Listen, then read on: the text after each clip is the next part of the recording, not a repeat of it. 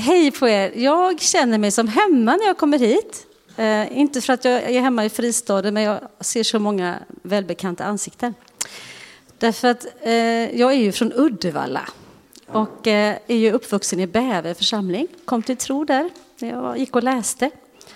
Peter Wide hette han och eh, Håkan Strömberg, ja ni vet. Dino, Martin Wallström. Så att, och det är många ansikten här säger också som jag har mött under åren. Eh, och jag heter ju Karin, kallas Linus. Då. Så några vet ju inte vem Karin är och några vet inte vem Linus är, men båda är jag. och, eh, det var ju så i kyrkans ungdom då. Eh, vi var fyra Karin. Ja, eh, och en fick heta Kajsa och en fick heta Karin och en fick heta Sissi och jag ville heta Linus. Så barnslig var jag. Det var Linus på linjen, om ni kommer ihåg. Ja, och det fanns vissa likheter jag kunde härma, det kan jag inte längre, och kanske lite likheter i temperament. Och, eh, så jag ville ju att alla skulle, jag hade ju inte haft något smeknamn innan, för Karin var liksom Karin. Det är ett fint namn, men... Mm. Så jag tvingade alla att kalla mig Linus, och alla lärare och allting. Så att eh, när jag gick på gymnasiet och lärde känna Janne, vi hade, gick i samma rastandakt, hette det på den tiden, vad hette det? Ja. Vi gick ju på gymnasiet ihop, eh, inte i samma klass men. Då, då sa ju läraren också Linus. Och sen har det hängt i. Men det blir lite krångligt ibland. För att eh, ibland vet jag ju knappt själv vem jag är. Men det var kanske att ta i. Men eh, idag. Jag ska strax presentera mig lite mer. Jag jobbar i Lysekil sedan 32 år.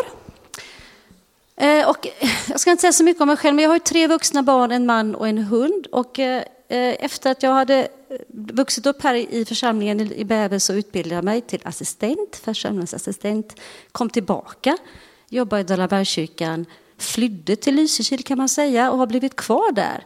Eh, och eh, där är jag nu för tiden verksamhetsledare, samma som Birgitta är, fast eh, i andra kyrkor. Och det, men det jag jobbar med främst och jag tycker om och som är viktigt för mig det är bibelskola, det är lovsång, det är förbundstjänsten och sådär. Men sen är det mycket administration och pengar och sånt också när man är chef då. Jag är inte så bra på det men jag lär mig. Men i alla fall, jag har varit med i oasrörelsen och vuxit upp där. Där har jag träffat några av er och eh, hör hemma lite i New Wine nu som är en systerrörelse till OAS kan man säga. Kanske lite mer ekumeniskt prägel, i alla fall tror jag det är därför vi har hamnat där. Eh, och eh, där har jag ansvar för bön. Och då känner man sig bara, För det, det jag, jag, känner när jag är här, att här finns människor som ber. Och ni vet säkert mycket mer om strategisk bön än jag. Men jag har ansvar i New Wine för den strategiska bönen på konferenserna och också lite. Så vi är en grupp som jobbar med det. Och sen har jag väl bett en del genom åren, förhoppningsvis. Så det är kanske är därför jag står här. Men jag vet ju att här finns människor som har strategier och som ber. Och ni vet ganska mycket om det.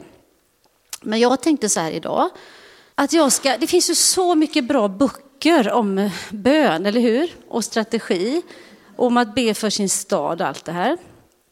Hur mycket bra undervisning som helst. Och jag tänker att det jag, jag skulle bara vilja dela det som jag ser som viktigt nu, om ni förstår. Man kan ju undervisa massor om bön och hur som helst. Men det är några saker som jag tror att Gud, som jag tänker på för den här tiden, vad det gäller hur vi kan be eller vad som är viktigt att vara uppmärksam på.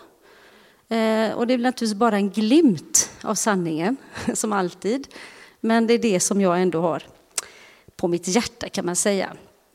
Vi har ju bett mycket i Lysekil, precis som ni har bett mycket här. Vi har bett på platser och vi har bett på, i hem och vi har bett på berg och vi har bett, eh, ja ni vet, man ber och man ber. Eh, ett år fick vi för oss att vi skulle be för alla företag. Eller fick för oss, Gud sa väl kanske det. Och eh, det visade sig att det var 750 stycken. Allt ifrån enmansföretag till Systembolaget. Och då sa någon i församlingen, ska vi verkligen be för Systembolaget?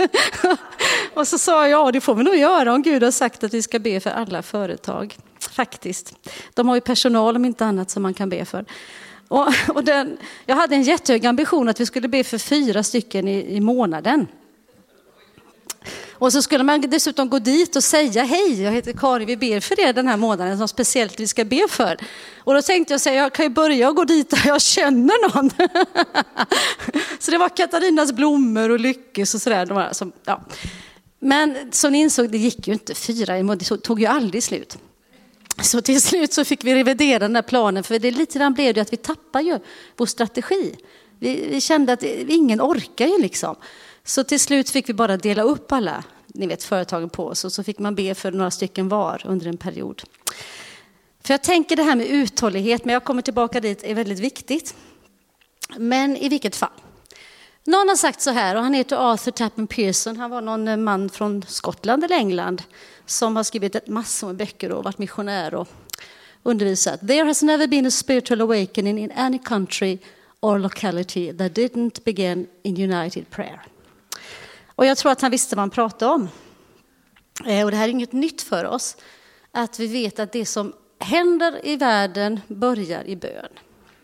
Och kan också avgöras i bön. Eh, och om vi, vi vet det ju, men jag tänker om vi, om vi visste det liksom i vårt hjärta eh, så kanske vi hade bett på ett annat sätt och bett lite oftare.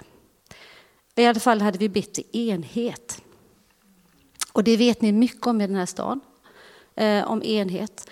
Och jag tänker allt det som, som Gud gör bygger ju egentligen alltid på en gemensam grund som heter Kristus och där vi står tillsammans i enhet. Ska det ha liksom genomslagskraft det vi gör eller det vi ber eh, så spelar det roll.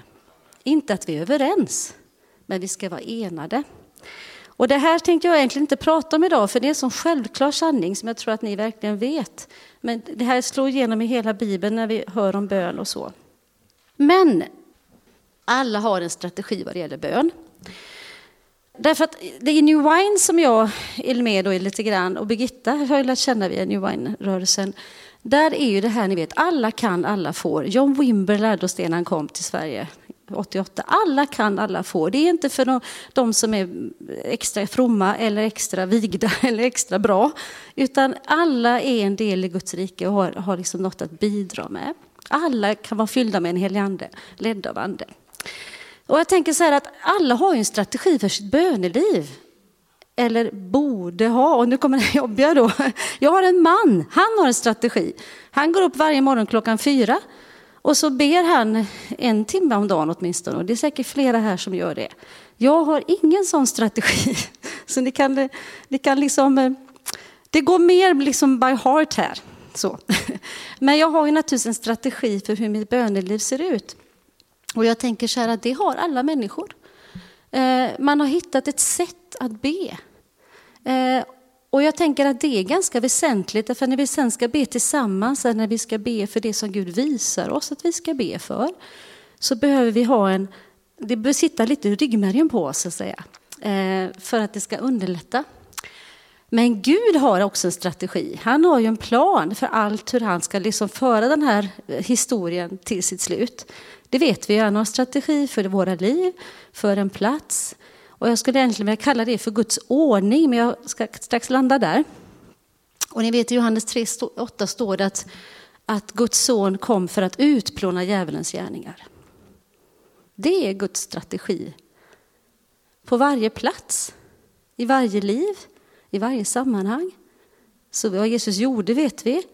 Men där han nu har sänt oss i samma uppdrag. Och det är ju inte bara att be naturligtvis, det är ju att älska, att tjäna, att, eh, och också naturligtvis under och tecken när vi får en helig andes kraft får göra det Gud har sagt. Men, men bönen är en bit i det. Så Gud har ju en strategi, en ordning för hur han vill att det ska vara. Men jag tänker att fienden har också en strategi då. Och ska, vi ska inte prata nästan någonting alls om honom idag. Vi ska prata om Jesus idag. Men jag vill bara nämna någonting här. Därför jag tror att utifrån, jag ska bara lita rätt på bibelordet här. Eh, utifrån det här att vad jag tror är viktigt nu. Alltså den här lilla bibeln som heter, där har vi det.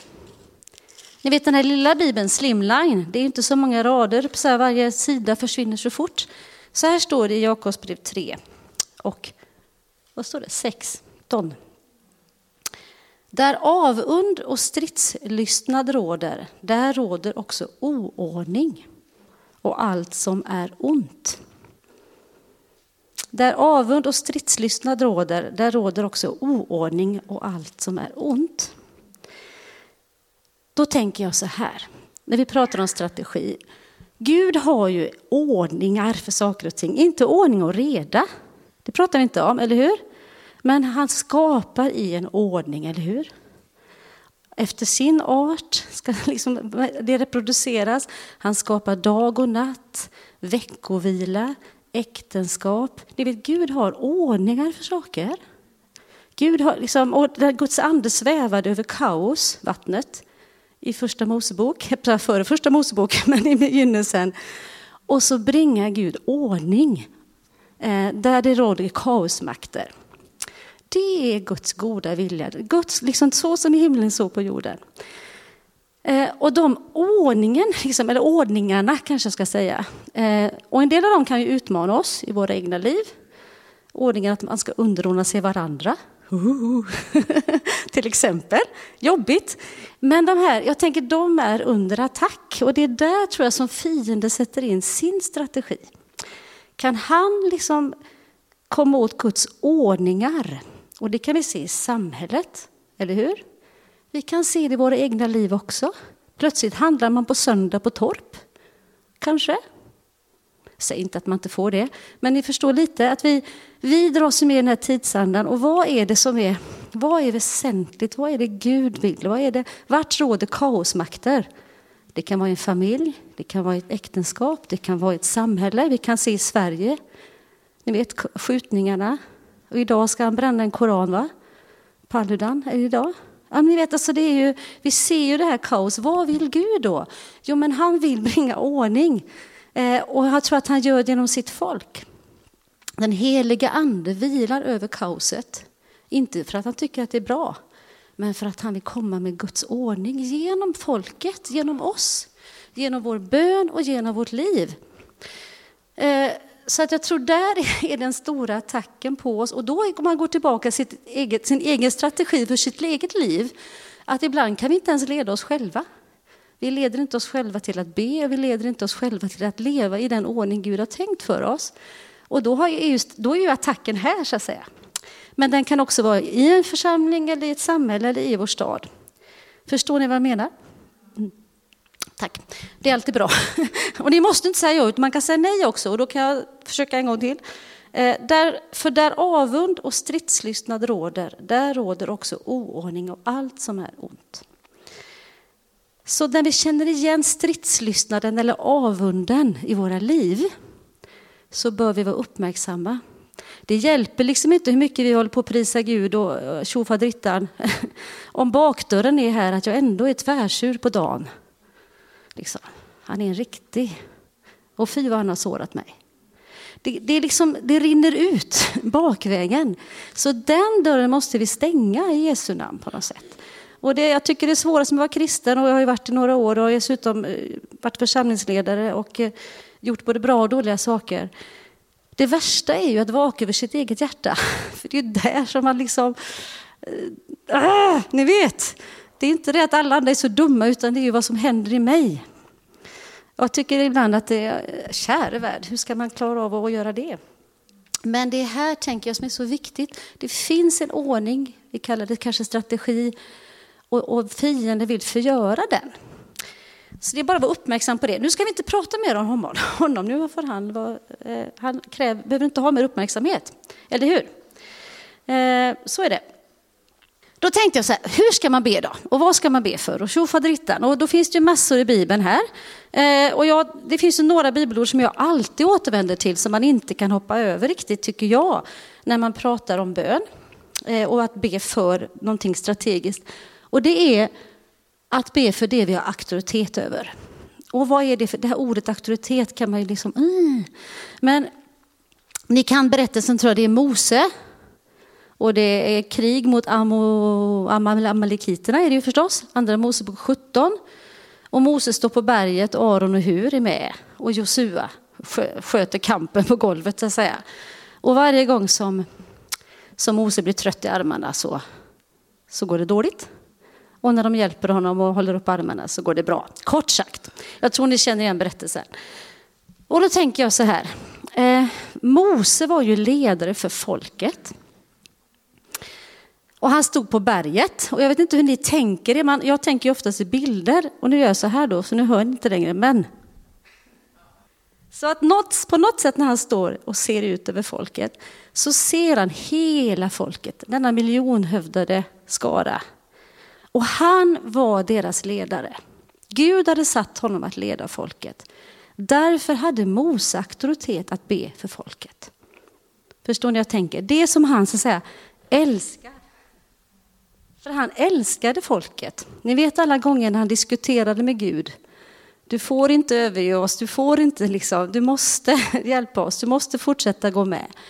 Så Mose har ju fått auktoritet att leda folket. Så jag tänker att vi har auktoritet över det som vi älskar. En mamma och en pappa.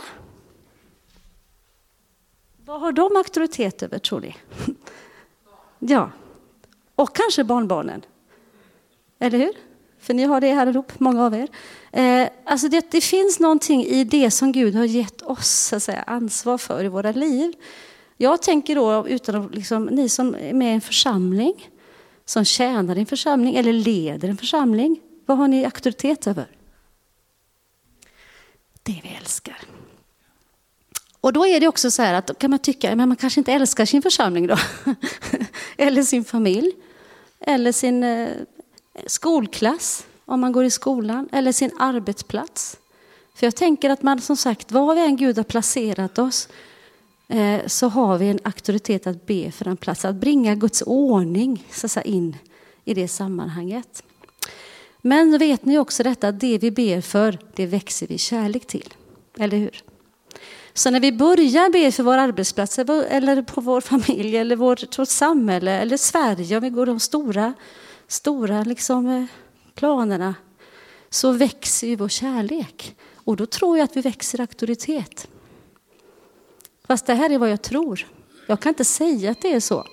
Det ringer någonstans. Mm. Nu är det färdigt. Ja. Jag kan överrösta det, det är ingen fara. Nej. Jag kan eh, prata jättemycket. det är ingen fara alls. Så är ni, är ni med i mitt resonemang där?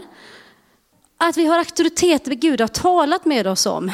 Eh, och när jag intar scenen så menar jag inte att det här handlar ingenting om att att visa upp sig. För mycket av vår bön och den strategiska bönen sker ju i kammaren, eller hur?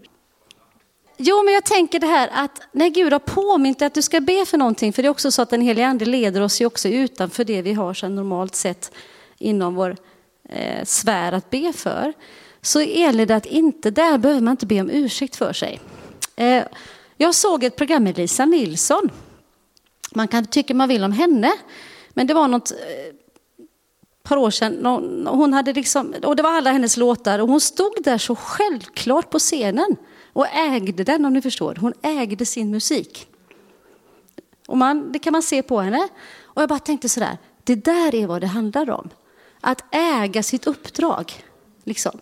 Att inte säga ja, jag skulle vilja be eventuellt kanske, utan ja men Gud har sagt, jag ska be. Och jag ska be i skymundan och ingen behöver veta om det. Men jag ställer mig på min, min plattform, om ni förstår, den Gud har gett, och inte be om ursäkt för det. Det har någonting med attityd i bön att göra. Och ibland är man på knä och ibland står man upp och ibland så känner man sig inte så stor. Det handlar inte så mycket om, en, om självförtroende utan det handlar om att veta. Här har Gud ställt mig och jag ber inte om ursäkt för det. Sen behöver ingen annan veta det för det. Eller hur? Gud är adressaten för vår bön, skrev jag så? Mm. Som jag tänker med strategisk bön, och jag har skrivit riktlinjer för det för New Wine, så handlar det väldigt, väldigt lite om att söka upp demoner eller det onda. Det är alltid, jag tänker att när vi ber så är vi här. Och om man nu tänker att Gud är där, han är ju här, men om man tänker att han är där, så är vår riktning alltid dit. Vi behöver inte fightas med det här. Utan vår riktning är, han är adressaten så får han ta itu med det här. Liksom. Så tänker jag. Eh, man kan göra på lite olika sätt naturligtvis.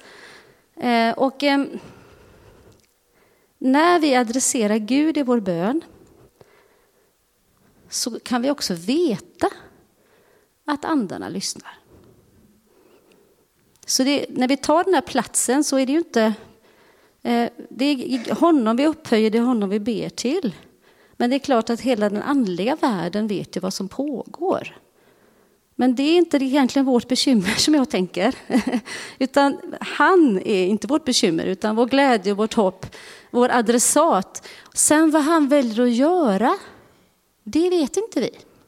Ibland kan han ju kalla en att göra någon aktiv handling eller att söka upp en person eller be på en speciell plats eller, eller bara visa kärlek i en situation. Men det är Gud som får liksom svara på bönen. Han kan sända änglar, han kan sända människor, han kan gripa in på alla möjliga sätt. Vi vet inte. Vi behöver inte veta det heller. Så tänker jag om det. Så. Jesus har all makt, det vet vi ju. Men han delar med sig av den. I Lukas så står det att han ger oss makt och kraft. Makt över demonerna och kraft att bota de sjuka. Lukas 9.1, när han sänder ut de 70 eller 72. Och i det tänker jag bara så här igen, att vi behöver inte be om ursäkt för den man är, eller på det sätt man är, eller på det sätt man ber. Det finns ingen speciell regel på hur detta ska gå till. Jag tror att den helige Ande är så väldigt flexibel och väldigt helig. väldigt helig.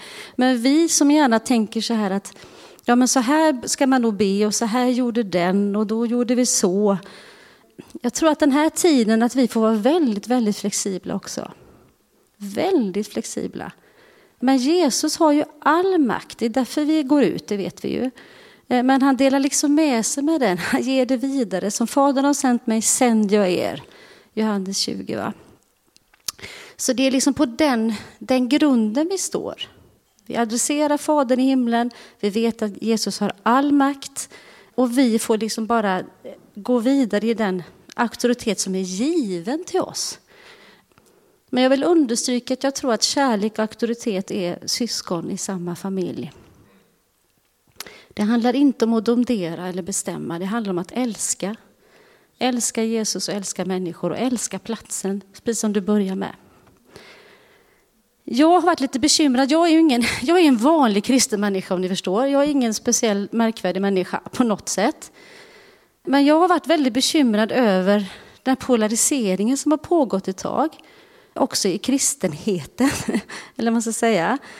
Där vi hela tiden liksom hamnar i diken. Jag vet inte om ni känner igen det, men vi sätter etiketter på varann och det kan vara alla möjliga frågor nu. Och jag tror att den här polariseringen det är fullständigt livsfarligt, för man behöver inte ta avstånd från varandra hela tiden. Man kan ta avstånd från vad människor tycker och tänker. Man kan ha synpunkter på hur vi tolkar Bibeln, alltihop det här. Men jag tror alltid att Gud kallar oss till att liksom ställa oss i, i mitten här. Den smala vägen.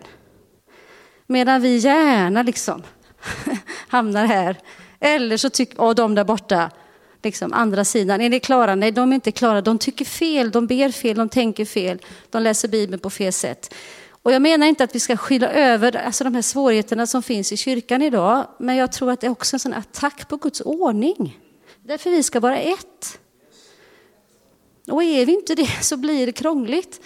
Och jag tror att det här när vi så otroligt gärna vill bara sätta etiketter på varann, sen i alla dessa frågor, för eller mot det ena eller andra, det gör att vi slutar att älska varandra. Och då tror jag att vi brister auktoritet. Och vårt land behöver ju en enad bön nu. Inte en bön mot människor, utan en bön för människor. Eller hur? Så jag tycker det här är liksom en utmaning vi har. Och jag vet ju själv vad jag tycker och vad jag tycker, vad jag lätt, hur lätt jag tycker istället för att tänka. Hur lätt jag reagerar istället för att be. Eller hur? Men eh, det finns någonting där som jag tror är väsentligt. Sen skrev jag väl också att få det vi ber om. Och jag, eh, jag tyckte bara jag ville ha med det för att Om vi inte tror att vi ska få det vi ber om så ber vi inte. Eller hur? Och jag har någon sorts barnslig inställning. Jag, jag vet, nu, nu får ni ta det med en nypa salt, jag vet att Fadern vill ge mig det jag ber om. Men jag har många exempel på att jag inte har fått det. Eller hur? Men jag vet någonstans i min allra djupaste benen i min kropp att när jag ber för någonting eller, eller överlåter mig till bön så vet jag att han lyssnar till den bönen. Och jag vet att hans goda vilja ska få ske i det. Och ändå har vi precis bett för en man i församlingen som dog alldeles här för jul. Alltså, så är det. Ni vet. Men ändå så är jag helt övertygad om att om jag ber så vill Fadern ge det som är gott åt sina barn.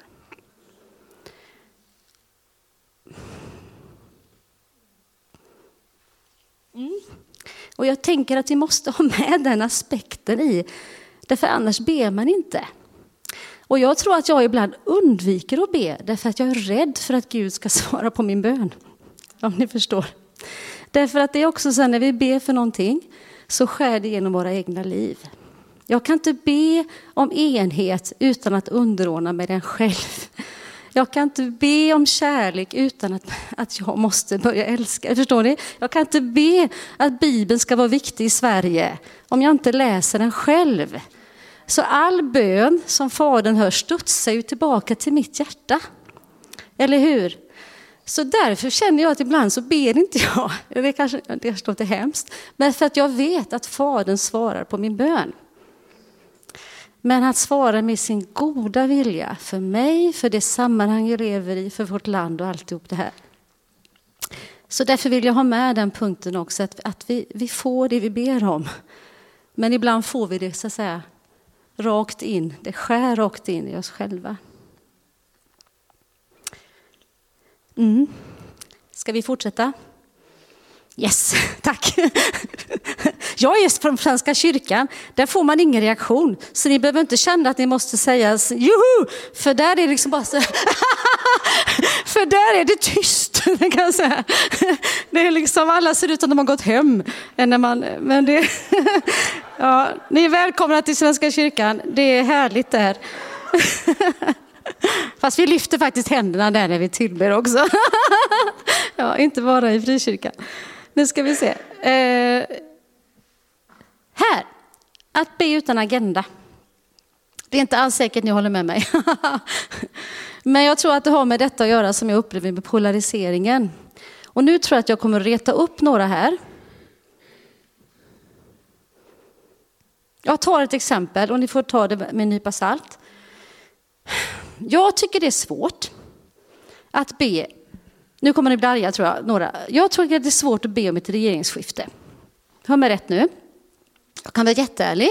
Jag röstade borgerligt i det senaste valet. Men jag tror, och jag vet att inte alla håller med, att det inte är vår sak att bestämma vilken regering som ska sitta i vårt land. Därför att jag tror att Gud vet hur långt det måste gå innan det ska vända. Han vet Ja, han vet vem som ska sitta på tronen i vårt land, om jag säger så. Han vet vad vi förtjänar, han vet vad som är bäst i det stora, i det långa loppet. Jag vet, ni behöver inte hålla med mig, men jag, så här tänker jag. Så när vi ber med en agenda här, då tänker jag så här, ja men hur gick det då för fyra år sedan? När det liksom, då blev det ju sossarna som blev regering fast vi bad och, så, och då var det någon röst och så blev det precis, och nu var det tvärtom, bad vi bättre nu? Nej men allvarligt talat, när det, liksom, det stod ju och vägde nu också. Och jag, eh, hör mig rätt, det är kanske dumt att ta ett sånt exempel, men jag vill förklara hur jag tänker. Att jag tror att det är viktigt att be utan en agenda om Gud inte har sagt Sen kanske han har sagt till några att det ska bli om regeringsskifte. Det kan jag inte svara för, eller hur? Men vi ska, alltså det här igen i den här polariserade tiden så är det så enkelt att vi ställer oss på en sida och då vet vi precis hur vi ska be, eller hur? Och vi har våra käpphästar som vi ber för. Det är ett gift. Jag håller med. Och jag, jag vill inte ifrågasätta nu att några har bett för ett regeringsskifte och, och trott att det var rätt och det kanske var precis så det var. Men det här när vi har bestämt på förhand vad vi tror är rätt vill jag reagera mot. Om det inte står här, då kan vi be frimodigt, eller hur? Eh, och ni behöver inte hålla med som sagt, men jag tycker det är ett exempel för att, att närma sig Gud utan att ha en färdig lösning på hur han ska svara på min bön. Men vi ber med riktning, precis som det står där. Vi ber ju till honom. Eh, men det finns någonting i det här outhärdliga i att ställa sig i gapet utan att veta. Om kärleken är det, så är också att ställa sig i gapet, att på något sätt stå. Eh, jag tänker att det är viktigt, men ni, ni håller inte med mig nu så, så strunta i det jag sa, men fortsätt att lyssna på resten i alla fall. Eller hur? Eh, så är det. Ska bara se. Vi har lite tid kvar innan vi ska fika. I Kungaboken 19 Eh, 18. Får vi se vilket som är rätt. Det är antingen det rätt där eller så är det rätt där jag har tittat. Vi Ska se här. Oj. Jag ska ta ett exempel här bara. Det är ju Elia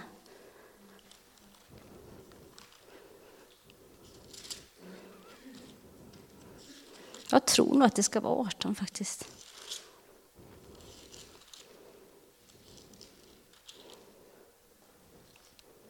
Precis. Varför har jag skrivit så? Ah, det är från 18, kapitel 18. Ehm, berättelsen eh, känner ni till kanske också. Ehm, och vad jag menar med att bli med riktning, det är det jag ska försöka förtydliga här, det är ju det här att Elia har haft den här kampen på Karmel eh, i kapitel 18. Eh, och så har det ju inte regnat på tre år i landet för att Elia har stängt himlen. Där kan man prata om auktoritet i bön. Eh, Elia var tydligen satt som profet i den tiden att ha auktoritet över ett helt land Det finns säkert de som har det nu också. Jag vet inte. Eh, och så är det den här stora fighten har skett på, på Karmel och, och Baalsprofeterna är dödade och Gud har visat att han är Gud. Herren är det som är Gud. Han svarar med eld. Och så står det så här, och jag tror vi ska läsa detta ifrån vers 41 då. Eh, slutet på torkan där. Elia sa till Ahab, bege dig upp, ät och drick, för jag hör bruset av regn. Då begav sig Ahab upp för att äta och dricka. Men Elias steg upp på Karmels topp och böjde sig ner mot marken med ansiktet mellan knäna. Han sa till sin tjänare, gå upp och se utåt, utåt havet. Förlåt. Han gick då upp och såg ut över havet men sa, jag ser ingenting. Sju gånger sa han till honom att gå tillbaka. När han kom dit sjunde gången sa han, se en litet moln som en mans hand stiger upp ur havet. Och då sa han, gå och säg till Ahab, spänn för, spänn för och far ner så att inte regnet håller dig kvar. I ett nu blev himlen mörk och moln och storm. Ett kraftigt regn föll och Ahab steg upp i sin vagn och for till Israel. Men Herrens hand hade kommit över Elias och han band upp sina kläder och sprang framför Ahab ända till Israel. Eh, det är ju också en ganska känd berättelse eh, men det här med att be med riktning, då tänker jag att det handlar många gånger om att få be eh, utifrån vad Gud har visat. Och då tänker jag så här igen. Man kan förfasa sig över situationen i landet, i staden eller i sitt eget hjärta ibland. Men vad, vad Elia lär oss, det är att spana efter vad säger Gud? Och vad är det han hör? Han hör bruset av regn innan det regnar. Eller hur? Det är inte så svårt att se ut över världen och, säga, och vara kritisk. Det är mycket svårare att ha en profetisk känslighet som säger, men det kommer regn. Det ska regna igen. Hopp ska vakna igen. Har ni hört den sången? Fantastisk. Det kommer regn. Och då är han inte bara lite blyg och tycker att och sitter där, utan då skickar han ut sin tjänare. Det är fantastiskt. Som ska ut och titta. Så, Nej, det regnar inte. Alltså, sju gånger. Och vad gör Elia? Jo, han ber. Måtte det regna nu då. Han har sagt att det ska regna och så ber han. Det är att be med riktning. Gud har sagt, han har hört och då vet Elia, han har ju precis varit med om världens grej på berget. Gud har visat sin makt. Men han utsätter sig ju ändå för någonting som man inte kan, han kan ju inte garantera att det ska regna. Eller hur? Men Gud har sagt. Gud har sagt. Han har hört bruset av regn och så ber han. Och så kommer den lilla, lilla handen upp där borta. Ett litet, ett litet tecken på att det Gud har sagt ska ske. Och då, då kör han. Ah, se till Ahab, nu kör vi. Och så får han fyllsan av ande och inte bara kör, han springer. Och där tänker jag att hur kan vi, eh, jag ska sluta här nu innan vi ska fika. Hur kan vi lyssna efter det där regnet? Vad är det Gud talar med dig om som ska ske? Och som du kan börja be för och sen spana efter tecknen. För de måste vi se, annars ger vi upp. Så tecknen på att Gud börjar röra sig, tecknet på, ja men det kanske är det, är det ett litet moln här borta kanske? Vad är det som händer borta i horisonten? Eh, och när det väl händer så talar han också det till den makten som regerar i, i landet. Nu hade Elia den auktoriteten. Men du, tänker jag, har också den auktoriteten i den situationen du står med, det du älskar, det Gud, det Gud har gett dig. Att tala ut, nu händer det. Nu är det dags att mobilisera. Nu får vi börja om här i församlingen. Nu måste vi, nej, jag tror vi ska göra nu, nu, nu. Nu måste vi öppna dörrarna dygnet runt för nu händer det. Och då finns också andens kraft att genomföra det. Sen vet vi att Elia blir väldigt trött här sen och omhändertagen av Gud, verkligen. Så det är inte det här att allting ska ske i någon sorts enorm kraft hela tiden. Men när vi har hört, börjat be, känner igen tecknen, då kommer också anden att ge kraft in i det. Och vi får tala om det för kommungubbarna här också. Ni behöver inte vara oroliga. Det kommer bli bättre på Dalaberg. Det är ett jättebra arbete på Dalaberg. Jag har jobbat där. Ja, men, nej, men ni vet, det kommer, alltså vi, vi ser tecknen. Vi ska tala om tecknen och inte om hur bedrövligt det är. Vi ska tala om att det börjar snart att regna. Det är inte kört med skjutningarna.